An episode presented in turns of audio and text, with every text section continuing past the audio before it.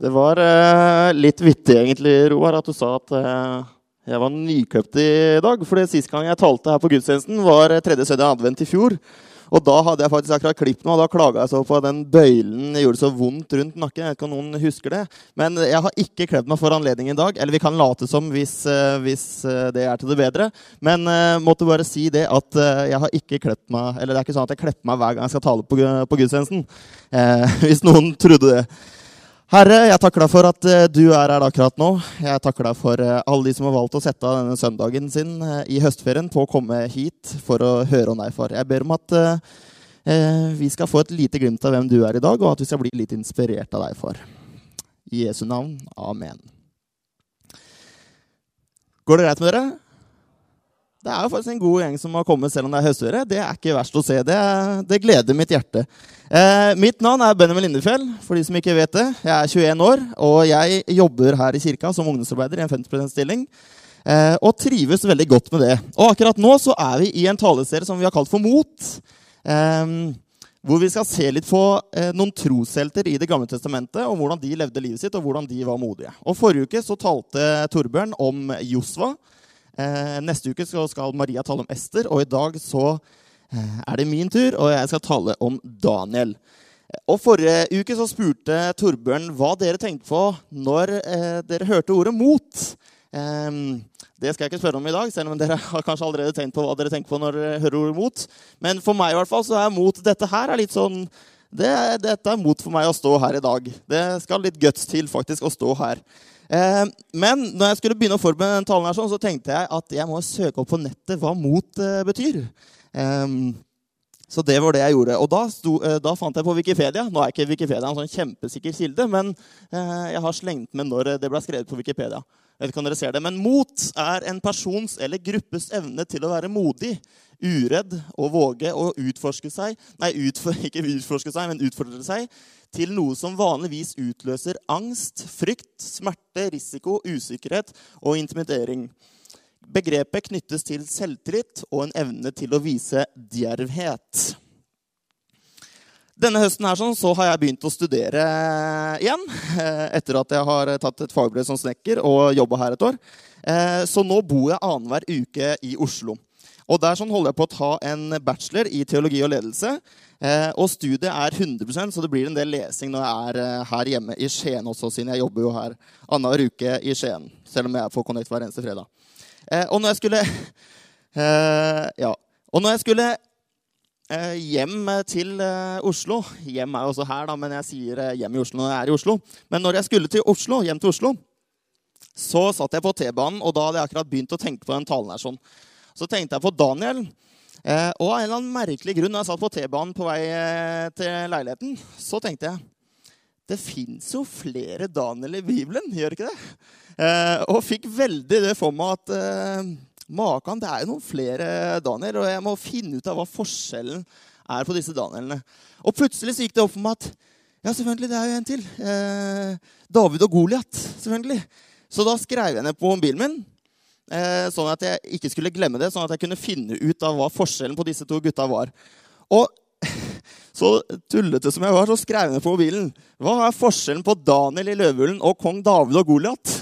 Og først dagen etterpå, når jeg så på notatene at jeg har skrevet to forskjellige navn. Er det mulig? Det er sånn typisk teologistudenter å, å blande sånne navn. Eh, og jeg har hørt faktisk med noen andre studenter at jeg er ikke den første som blander Daniel og David. Men det lurer kanskje på hva som er grunnen til at jeg forteller dere her. Selvfølgelig det er mest gøy, fordi jeg har klart å dumme meg ut. Men det er faktisk fordi at for, før vi kan gå inn i Daniel, så må jeg fortelle litt sånn bakgrunnshistorie. Og da må vi helt tilbake igjen til kong David og Goliat. Ikke Goliat, men til kong David i hvert fall. Fordi David, det var han som eh, erobret Jerusalem og gjorde Jerusalem til hovedstaden i Israel for eh, ca. 3000 år siden. Det er 1000 år før Kristus. Og Noen år senere så ble sønnen til David eh, Salomon han ble konge. Og så bygde han det første, første tempelet. Og etter at eh, Salomon døde eh, Jeg vet ikke helt hvorfor, men så ble Israel delt i to riker. Det var Israel, som også ble kalt for Samaria-riket, og Judea. Eller Kingdom of Judah, som det står på bildet her. sånn. Eh, og ca. 400 år etter at eh, riket ble delt i to, så kom babylonerne, og de erobret Judea. Eh, og det er nå Daniel, eller boka til Daniel begynner, etter at, eller idet babylonerne inntar Judea. Eh, jeg var på en måte litt heldig med å få Daniel-boka når jeg skulle ha den talen. her. sånn, fordi Forrige uke så talte jo Torbjørn om Josva. Og Josva Her er en veldig kort eh, Dette er et bilde på hvordan boka til Josefa er, eh, er, satt opp. Og den har 24 kapitler. Mens Daniel heldig meg, hadde bare 12. Så var litt mindre, litt mindre å gå gjennom. Eh, så det var jo veldig kjekt, egentlig. Men når det er sagt, så er det Altså, jeg må ærlig si jeg er 21 år. Jeg har ikke lest forferdelig mye i Bibelen. Dessverre, til fortvilelse for noen, kanskje. Men eh, da jeg begynte å lese Daniel Jeg har aldri blitt så inspirert før. eller det var sånn, begynte å lese, og Jeg kunne bare lese og lese og lese hele tiden. Det var så, det var så givende å lese Daniel. Så derfor, i dag så har jeg tenkt å gå litt mer detaljert inn i Daniels bok. Og eh, Jeg skal bare gå gjennom de første seks kapitlene, for det er de som handler om livet til Daniel og også vennene hans, mens de siste seks er mer eh, profetier. For Daniel han, eh, var en profet som klarte å se inn i fortiden, og han ja, taler litt om endetiden og sånn. Tenkte at vi skulle droppe det i dag. Um, så vi får heller komme igjen en annen gang og så høre mer om det seinere. Men hvis vi begynner bare rett på Daniel, første kapittel. Eh, babylonerne som jeg sa, har inntatt eh, Judea. Eh, og det er kong Nebukadnesar. Veldig tungvint navn å si. Men Nebukadnesar han, eh, han inntar, eh, inntar Judea-riket. Og det som er, er at eh, han han trengte noen inn i sitt slott, inn i sitt rike, til å tjene ham. Så det han gjorde, var at han fikk hoffsjefen til å hente noen israelitter som var av kongeætt eller av fornem familie, unge gutter som var uten feil på kroppen og vakre å se på, kunnskapsrike og lærenemme, og skikket til å gjøre tjeneste i kongens slott. Aspenas, som han hoffsjefen het, han brakte inn israelitter, og blant dem var disse fire vennene. Det var Daniel, og Daniel hadde tre kompiser som heter Shadrach, eller het eh, Shadrach, Meshach og Abednego. Og kongen bestemte at hver dag eh, hver dag så skulle de få spise og drikke fra kongens bord, og i tre år skulle de få opplæring før de skulle tre inn i kongens tjeneste. Men det skulle ikke være så innmari lett, fordi Daniel han var en eh, litt eh, gæren mann, kan noen si.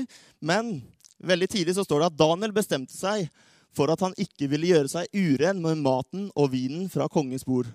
Han ba hoffsjefen om å få slippe å gjøre seg uren. Og Hoffsjefen hadde fått i oppdrag av kongen at han skulle lære opp gutta. de skulle få spise og alt sånt, Men så kommer Daniel og de vennene hans og sier at nei, vi vil ikke spise maten. Og Da blir hoffsjefen litt sånn fortvila og begynner å tenke what, hva gjør jeg nå? Hvis dere ikke spiser maten og ikke blir eh, så pene som kongen vil ha dere, og sånn, så kommer dette her til å gå utover meg. Så dere er nødt til å spise maten. Men så sier Daniel litt seinere, prøv tjenerne dine i ti dager. Gi oss grønnsaker å spise og vann å drikke så kan du sammenligne vårt utseende med de unge guttene som spiser av maten fra kongens bord, og behandle tjenerne dine ut fra det du da får se. Og det som, er, det som skjer videre, er at eh, etter disse ti dagene så, så blir alle disse mennene brakt fram for kongen, og kongen tar en kikk på dem og ser på dem.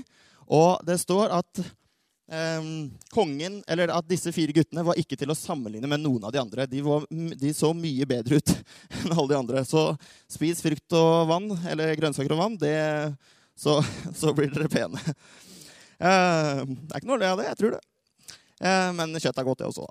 Men jeg tror at det var flere grunner til at Daniel ikke valgte å spise den maten. Jeg, lest, jeg har lest en sånn bibelkommentar, eh, eller det er en bok som som kommenterer boken til Daniel. Og han som har skrevet den boka, han sier at eh, han trodde at den største grunnen til at, eh, at, han ikke ville spise denne maten, var fordi at maten som kongen delte ut, eh, var ofret til avguder. På den tiden så var det veldig vanlig at når man, når man slakta dyr, eller når man spiste dyr, og sånn, så ofra man det til et eller annet. Eh, og han, kongen her sånn, han var hedensk, så han trodde ikke på Gud, og ofra derfor maten til noe annet. Eh, maten var ikke tilberedt på en bra måte, og hensikten med maten var heller ikke god. Og når jeg tenker på dette her, når jeg leser dette her, så, så lurer jeg på åssen kan vi trekke dette her inn i, inn i våre liv. Eh, er det er det, er det, noe mat som vi får tilbudt fra verden rundt oss som, vi, som ikke er bra for oss, og som eh, vi burde si nei takk til? Har vi mot til å si nei til det? Her var det jo en, en mann med veldig mye autoritet, en konge liksom i hele Babylon, som, som sa de skulle spise det. Men har vi mot i våre liv til å takke nei til den maten som, eh, som verden har å komme med? Jeg skal komme med noen eksempler på på hva slags mat dere får eh, tilbudt. Eh, det er jo veldig forskjellig fra person til person, tror jeg. Men jeg er i hvert fall veldig klar over hvilken mat som jeg får eh, tilbudt fra mine ikke-kristne kamerater for eksempel, eller fra andre folk rundt meg. Og tør vi da å si nei? Det guttene her sånn gjør, er at de klarer faktisk å si nei, og de blir belønnet av Gud seinere. Gud ga de fire guttene kunnskap og kyndighet i alle skrifter og all slags visdom. Og Daniel skjønte seg for alle slags syner og drømmer. Jeg tror at Hvis vi klarer å si nei til det verden har å gi oss, eh, gi oss, og hvis vi sier ja takk til den maten som Gud gir til oss, så tror jeg at vi skal få det som vi trenger i våre liv. Akkurat i dette tilfellet så trengte disse, disse guttene eh, kunnskap og kyndighet til alle skrifter. Men eh, for oss i dag så kan det hende at det er noe annet vi trenger. Og hva det er for noe, det vet bare, bare Gud. Hvis vi går videre til kapittel to, så skjer det at eh, Nebukadnesar har en drøm som gjør han urolig til sinn, så han får ikke sove den natten, står det i Bibelen. Um, og det han uh, gjør, er at han, han, har lyst til å finne ut av hva denne drømmen betyr, og tydningen av det. Og rundt han, så Han er jo konge, så han har veldig masse mm, smarte folk rundt seg. Han har vismenn, han har magikere, han har drømmetydere, alt mulig rart. Um, så det han gjør, er at han samler de inn, sier eh, gutta, dere er nødt til å tyde drømmen for meg. Det han ikke gjør, eh, fordi han er en veldig lur type, er at han, han sier ikke drømmen som han har hatt, og så skal de tyde den. for da kunne de hvem som helst bare kommet opp med et eller annet. Men han sier at dere må bare tyde den drømmen som jeg har hatt. Og gutta blir jo kjempefortvila. Tenker vi vet jo ikke hva drømmen din er. Åssen kan vi tyde den da? Det er umulig. Eh, så det er altså ingen som klarer å tyde den drømmen. Nebukadneser da blir veldig eh, sint og fortvila. Ikke fortvila kanskje, men han blir rasende. Og mener da at alle vismennene i Babylon skal bli drept. Så han eh, sender ut folk til å begynne å drepe vismennene. Og blant disse vis vismennene er Daniel. Og når mennene kommer til Daniel, så spør Daniel um, Eller dette her står i Bibelen. Da Daniel fikk høre om det, spurte han hvorfor han skulle bli drept. Og det var Eh, og det var fordi at de ikke klarte å tyde drømmene til kongen. Da sa Daniel til kongen, 'Gi meg en frist, så skal jeg fortelle deg tydningen.' Daniel fortalte vennene sine om det, og de begynte å be til Gud. Mens alle andre eh, ikke ante hva tydningen var, så blei de redde. Noen løp av gårde, kanskje. De stakk av fra Babylon. Mens Daniel, han tenkte ja, dette må vi finne ut av. Satt seg ned, begynte å be til Gud, samla kameratene sine og ba til Gud. Og i løpet av den natta eh, de, de, ba på kvelden, og i løpet av natta så fikk Daniel tydningen til, til Nebukadnesar. Og her så ser dere et lite bilde av uh, tydningen. Dette er drømmen hans. Det var um, en statue av forskjellig type gull nedover. Så jeg skal ikke gå så veldig mye inn på dette her. Uh, og, men i hvert fall toppen av, uh, av, statuen var av gull, og det var hodet til, til statuen. Da. Og det var Babylons rike. Men så tenkte jeg på Når vi havner i kriser Her så var det jo åpenbart en krisesituasjon. Eh, kongen hadde lyst til å drepe alle vismennene, og Daniel var blant eh, de. Daniel kom i en liten krise. Når vi havner i kriser, løper vi da vekk slik mange av vismennene gjorde, eller velger vi å bli stående og spørre Gud om hva vi skal gjøre? Har vi mot til å stoppe opp i situasjoner hvor, hvor det blir vanskelig for oss? Stoppe opp, spørre Gud. Gud, hva gjør vi nå? Forrige uke husker jeg, da var Holly Riders her sånn, og da husker jeg Ingrid Elisabeth eh, sa, fortalte en eller annen historie. Husker ikke helt hva den var, men eh, beit meg i hvert fall merke i at det var en gang som hun hadde sagt til noen av sine ikke-kristne venninner eller noe at vet du hva, det har jeg ikke svar på, det må jeg nesten spørre Gud om. Og da tenkte jeg, Så kult at hun bare liksom Ja, vet du hva, jeg vet ikke svaret på det. Jeg må spørre Gud om det. Og tør vi eh, å gjøre det? Har vi mot til å stole på Gud og spørre ham, eh, han om råd før vi blir fortvila på et vis. Um, så ja. Det som, det som skjer, er at Daniel forteller tydningen til kongen. Og han blir veldig sånn overveldet. Wow, er det Babylon som er hodet av gull? Jeg er jo vanvittig god til å styre, styre dette riket. Så det han gjør, er at han setter opp en gullstatue eh, i Babylon. Og han vil at alle sammen skal tilbe den, eh, den statuen. Så under innvielse av statuen så sier han at alle som eh, alle skal bøye seg ned og tilbe denne statuen. Og de som ikke gjør det, de skal bli kastet i ovnen av flammende ild. Og Daniel hadde tre venner og de tre vennene det er de dere kan se på det bildet. her sånn. Det er de som er stående. De ville ikke bøye seg under for denne statuen, fordi første, eh, det første budet i de ti bud er at du skal ikke ha andre guder enn meg.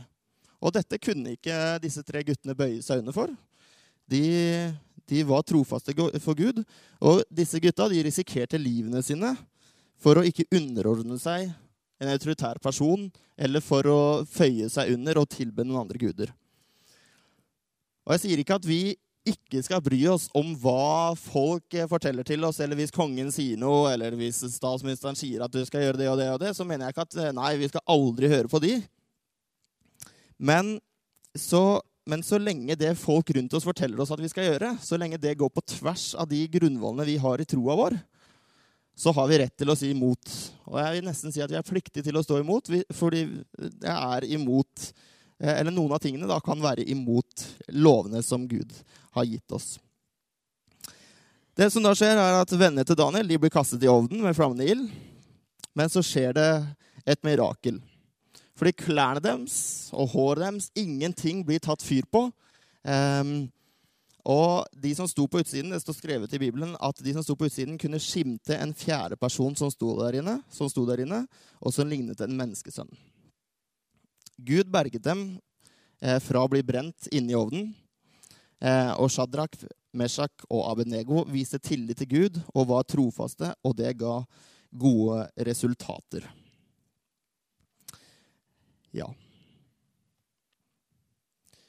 Videre i kapittel 4 og kapittel 5 så er det et par fortellinger om eh, to konger. Han ene har jeg allerede fortalt litt om. Det er Nebukadnesar eh, og Belsasar. Det er sønnen hans. Og Begge disse kongene de var fulle av eh, stolthet pga. deres store rike. Babylons rike var helt enormt svært. Jeg klarer ikke å sammenligne eh, det med noe per nå, egentlig.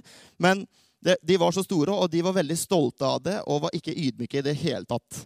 Eh, men på samme måte som i kapittel eh, to, ja, Nå sa jeg ikke det så veldig nøye, da, men det, den, den, drømmen til Nebukadnesa med det, den statuen av de forskjellige rikene, det var en advarsel om at eh, den statuen en eller annen gang kommer til å bli revet ned, og at det er et større rike som en gang skal ta over.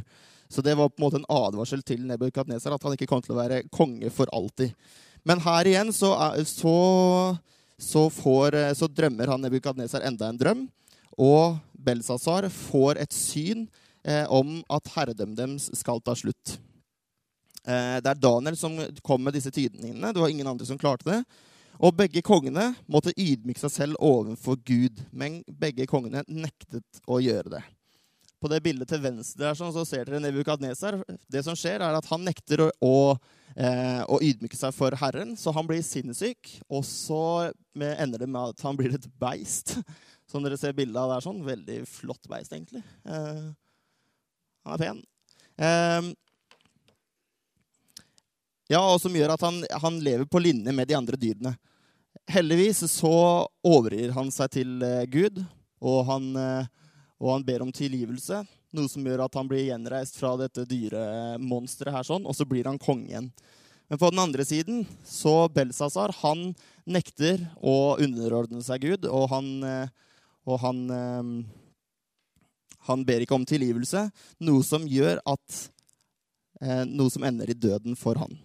Den samme kvelden Det bildet der sånn på høyre side viser at ja, Belsazar hadde, hadde en fest, og så plutselig så blir det skrevet noe på på veggen, skriften på veggen, som eh, kapittelet heter.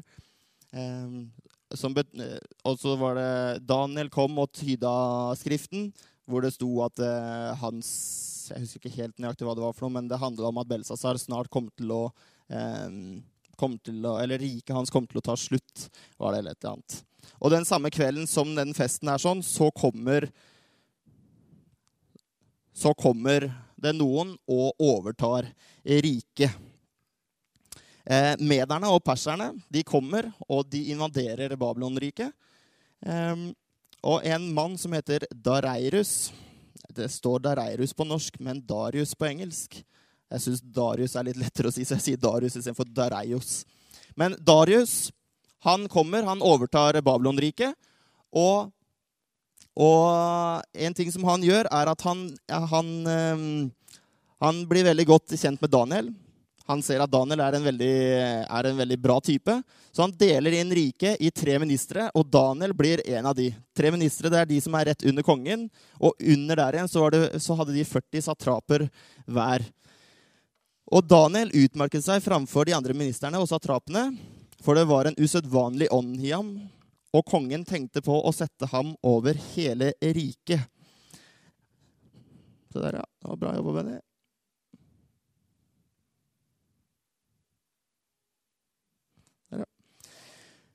Eh, og det som skjer, er at eh, Dareius, som det står her sånn, han tenkte å la Daniel eh, ta over hele riket. Men de to andre ministrene blir veldig sjalu på Daniel og tenker Steike ta Daniel, ass. Han, eh, vi er nødt til å få felt ham på et eller annet vis. Han kan ikke, han kan ikke ta over riket. Det er jo vi, vi og det, vi også. Og de finner ingenting å ta ham på, for Daniel har ikke gjort noe som helst galt. Så det de gjør, er at de tenker religionen hans. Det er sånn kan vi, kan vi ta den. Så det disse gutta gjør, de går til kongen, eh, Darius, og sier du, du burde ikke kanskje um, komme med en eller annen lovnad om at uh, alle i hele riket ditt er nødt til å tilbe deg i 30 dager, og ingen andre, uh, og ingen andre enn deg. Sånn at vi får liksom luka ut de som ikke viser tillit til deg. Og så tenker Darius ja, det var en god idé, egentlig. Så han eh, skriver under kontrakten, på en måte, og så eh, Og i de neste 30 dagene da så var det ikke lov til å tilbe noen andre enn kongen. Men eh, Daniel, han Han fortsatte å be til sin gud med vinduene på vidt gap. Det var noe han pleide å gjøre. Og, han ba tre ganger om dagen, og han fortsatte med det. En ting som jeg har tenkt på er at Når det kommer en sånn lovnad, så altså det går an til å på en måte bøye seg litt og tenke ja, jeg, jeg, kan jo selvfølgelig lukke vinduene, sånn at uh, ingen ser at uh, jeg ber akkurat nå. Eller så trenger jeg kanskje ikke be akkurat da på den tida på døgnet. Jeg kan jo be på natta, sånn at ingen ser at jeg ber nå som det har kommet ut en lovnad om at vi ikke kan be til noen andre eller tilby noen andre enn kongen. Men nei, Daniel han var kompromissløs. Um, og som følge av det så blei han tatt til fange, og han blei kastet i løvehulen. Ja, det glemte jeg å si. Det var eh, kontrakten om at de som, ikke tilba, eh, eller de som tilba noen andre enn kongen, de skulle bli kasta i løvehull.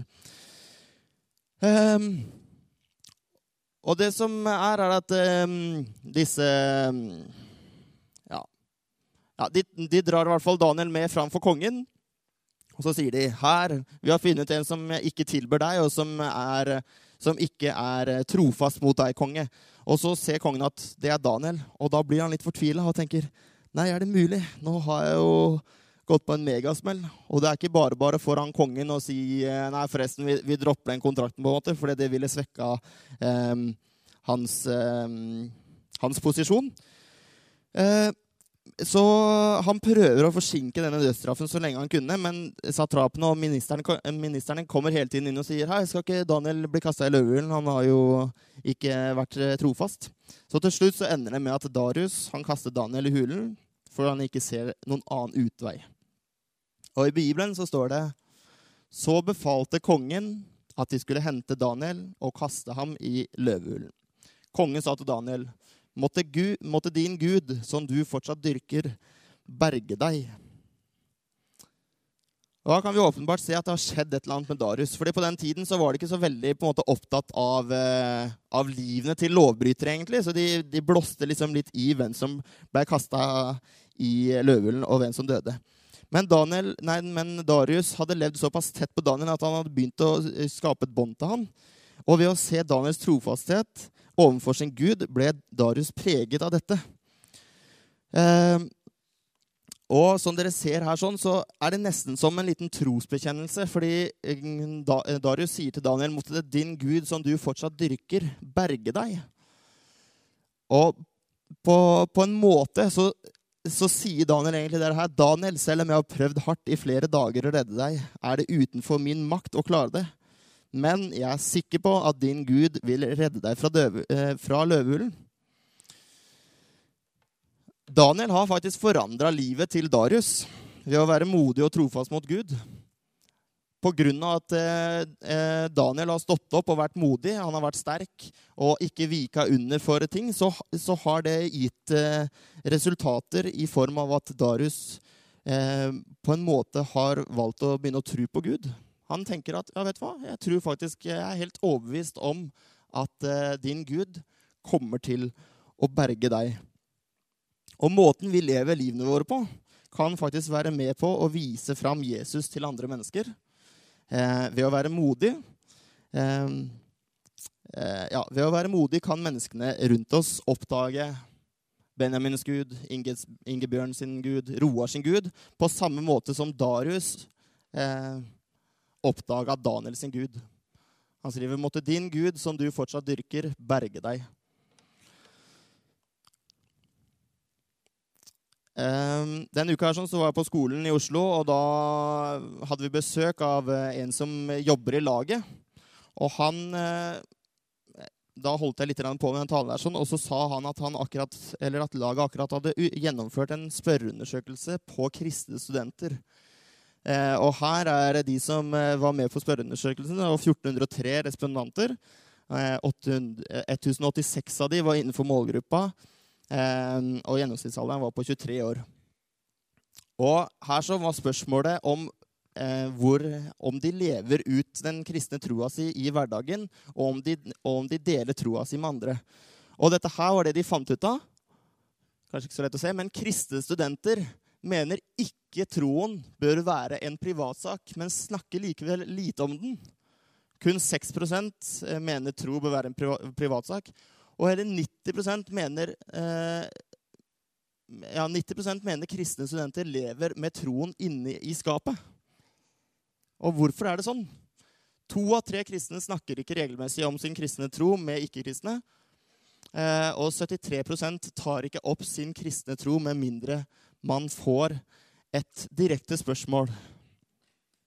Og hvorfor er det sånn at vi ikke tør å dele troa, eh, troa med de rundt oss? Eh, det sto videre i den spørreundersøkelsen her at eh, grunnen til at folk ikke velger å dele troa si, eller ikke tør, er fordi de er redd for eh, å bli avvist, eller at de kommer til å få dårlige tilbakemeldinger. Samtidig så, eh, så følte de ikke ansvar for å dele troa si med folk rundt oss. Ofte så kan vi tenke at eh, nei, jeg kan, ikke, jeg kan ikke begynne å snakke om eh, Jesus og Gud nå, for jeg føler ikke at det er eh, den rette situasjonen å, å dele det i. Eller jeg føler liksom ikke veldig at hjertet banker veldig for at jeg skal gå til den personen og si det nå. Vi er veldig sånn der, og må, må liksom få den følelsen av at nå er det rett å gjøre et eller annet. Og For noen uker siden så var jeg i Filadelfia-kirken i Oslo. og Da var det David André Østby og Mariann som holdt en tale om ekteskap. Og de sa at eh, ekteskapet går jo opp og ned. Og, og i hvert fall følelsene og eh, Følelsene går i hvert fall opp og ned. Og ofte så kan det hende at jeg ikke føler veldig for at å, nå skal jeg være kjempegrei mot Mariann, sier David André. da. Og altså, Nå har vi akkurat vært i en krangel. Må jeg nødt til å ta den oppvasken nå? på en måte? Jeg er, ikke, ikke gira på det. Jeg har ikke den følelsen for å gjøre det. Men så sa de i den talen at det er ikke sånn at du nødvendigvis alltid trenger å føle at du skal gjøre noen ting. Kanskje hvis du først gjør, så kommer følelsen etterpå.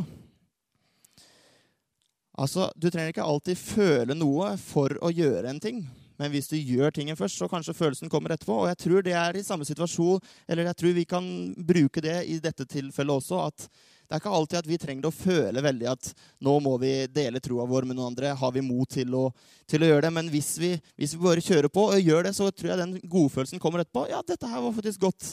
Dette, dette var riktig. Eh, det tror jeg altså absolutt. Romerne 8.31-35. Hva skal vi så si til dette? Er Gud for oss? Hvem er da mot oss? Han som ikke sparte sin egen sønn, men ga ham for oss alle. Kan han gjøre noe annet enn å gi oss alt sammen med ham? Hvem kan anklage, eh, anklage den Gud har utvalgt? Gud er den som frikjenner. Hvem kan da fordømme? Jesus Kristus er den som døde. Ja, mer enn det. Han sto opp og sitter ved Guds høyre hånd, og han ber for oss. Hvem kan skille oss fra Kristi kjærlighet?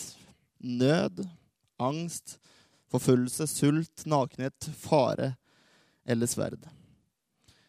Hvis vi har Gud på laget, og vi virkelig tror at den kraften som beskyttet Shadrach, Meshach, Abenego og Daniel fra både løvehulen og den brennende ovnen, hvis vi tror at den finnes i oss, da kan vi være utrolig frimodige med troa vår. Og legg merke til at frimodig er et todelt ord. Det er både fri seg og modig i, eh, i det ordet. Så vi kan faktisk være både fri og modig i møte med verden og menneskene rundt oss. Så hvis vi skal gå tilbake igjen til det Wikipedia sa om mot, så tenkte jeg, eller så har jeg laga min egen vri på dette med mot. Så jeg bytta det om og skrevet dette her. Mot er ikke bare en egenskap et menneske har, men det er noe som blir gitt av Gud hvis vi tror at han er allmektig. Den samme kraften som beskyttet Daniel fra løvehulen, lever i oss i dag. Og Personlig så syns jeg noen ganger at det kan være litt vanskelig å tro på. Eh, og sånn er det jo. Det går opp og ned. Men det er først når vi virkelig innser at vi har den kraften i oss, at vi tør å gå i Guds ferdiglagte stier, og at vi tør å vise mot. Herre, jeg takker deg for, eh, takker deg for Daniel, far, som eh, som det står skrevet om i Bibelen, takker deg for at eh, han har vist eh, mot overfor sine medmennesker rundt seg, og at han har klart å stå i de vanskelige situasjonene.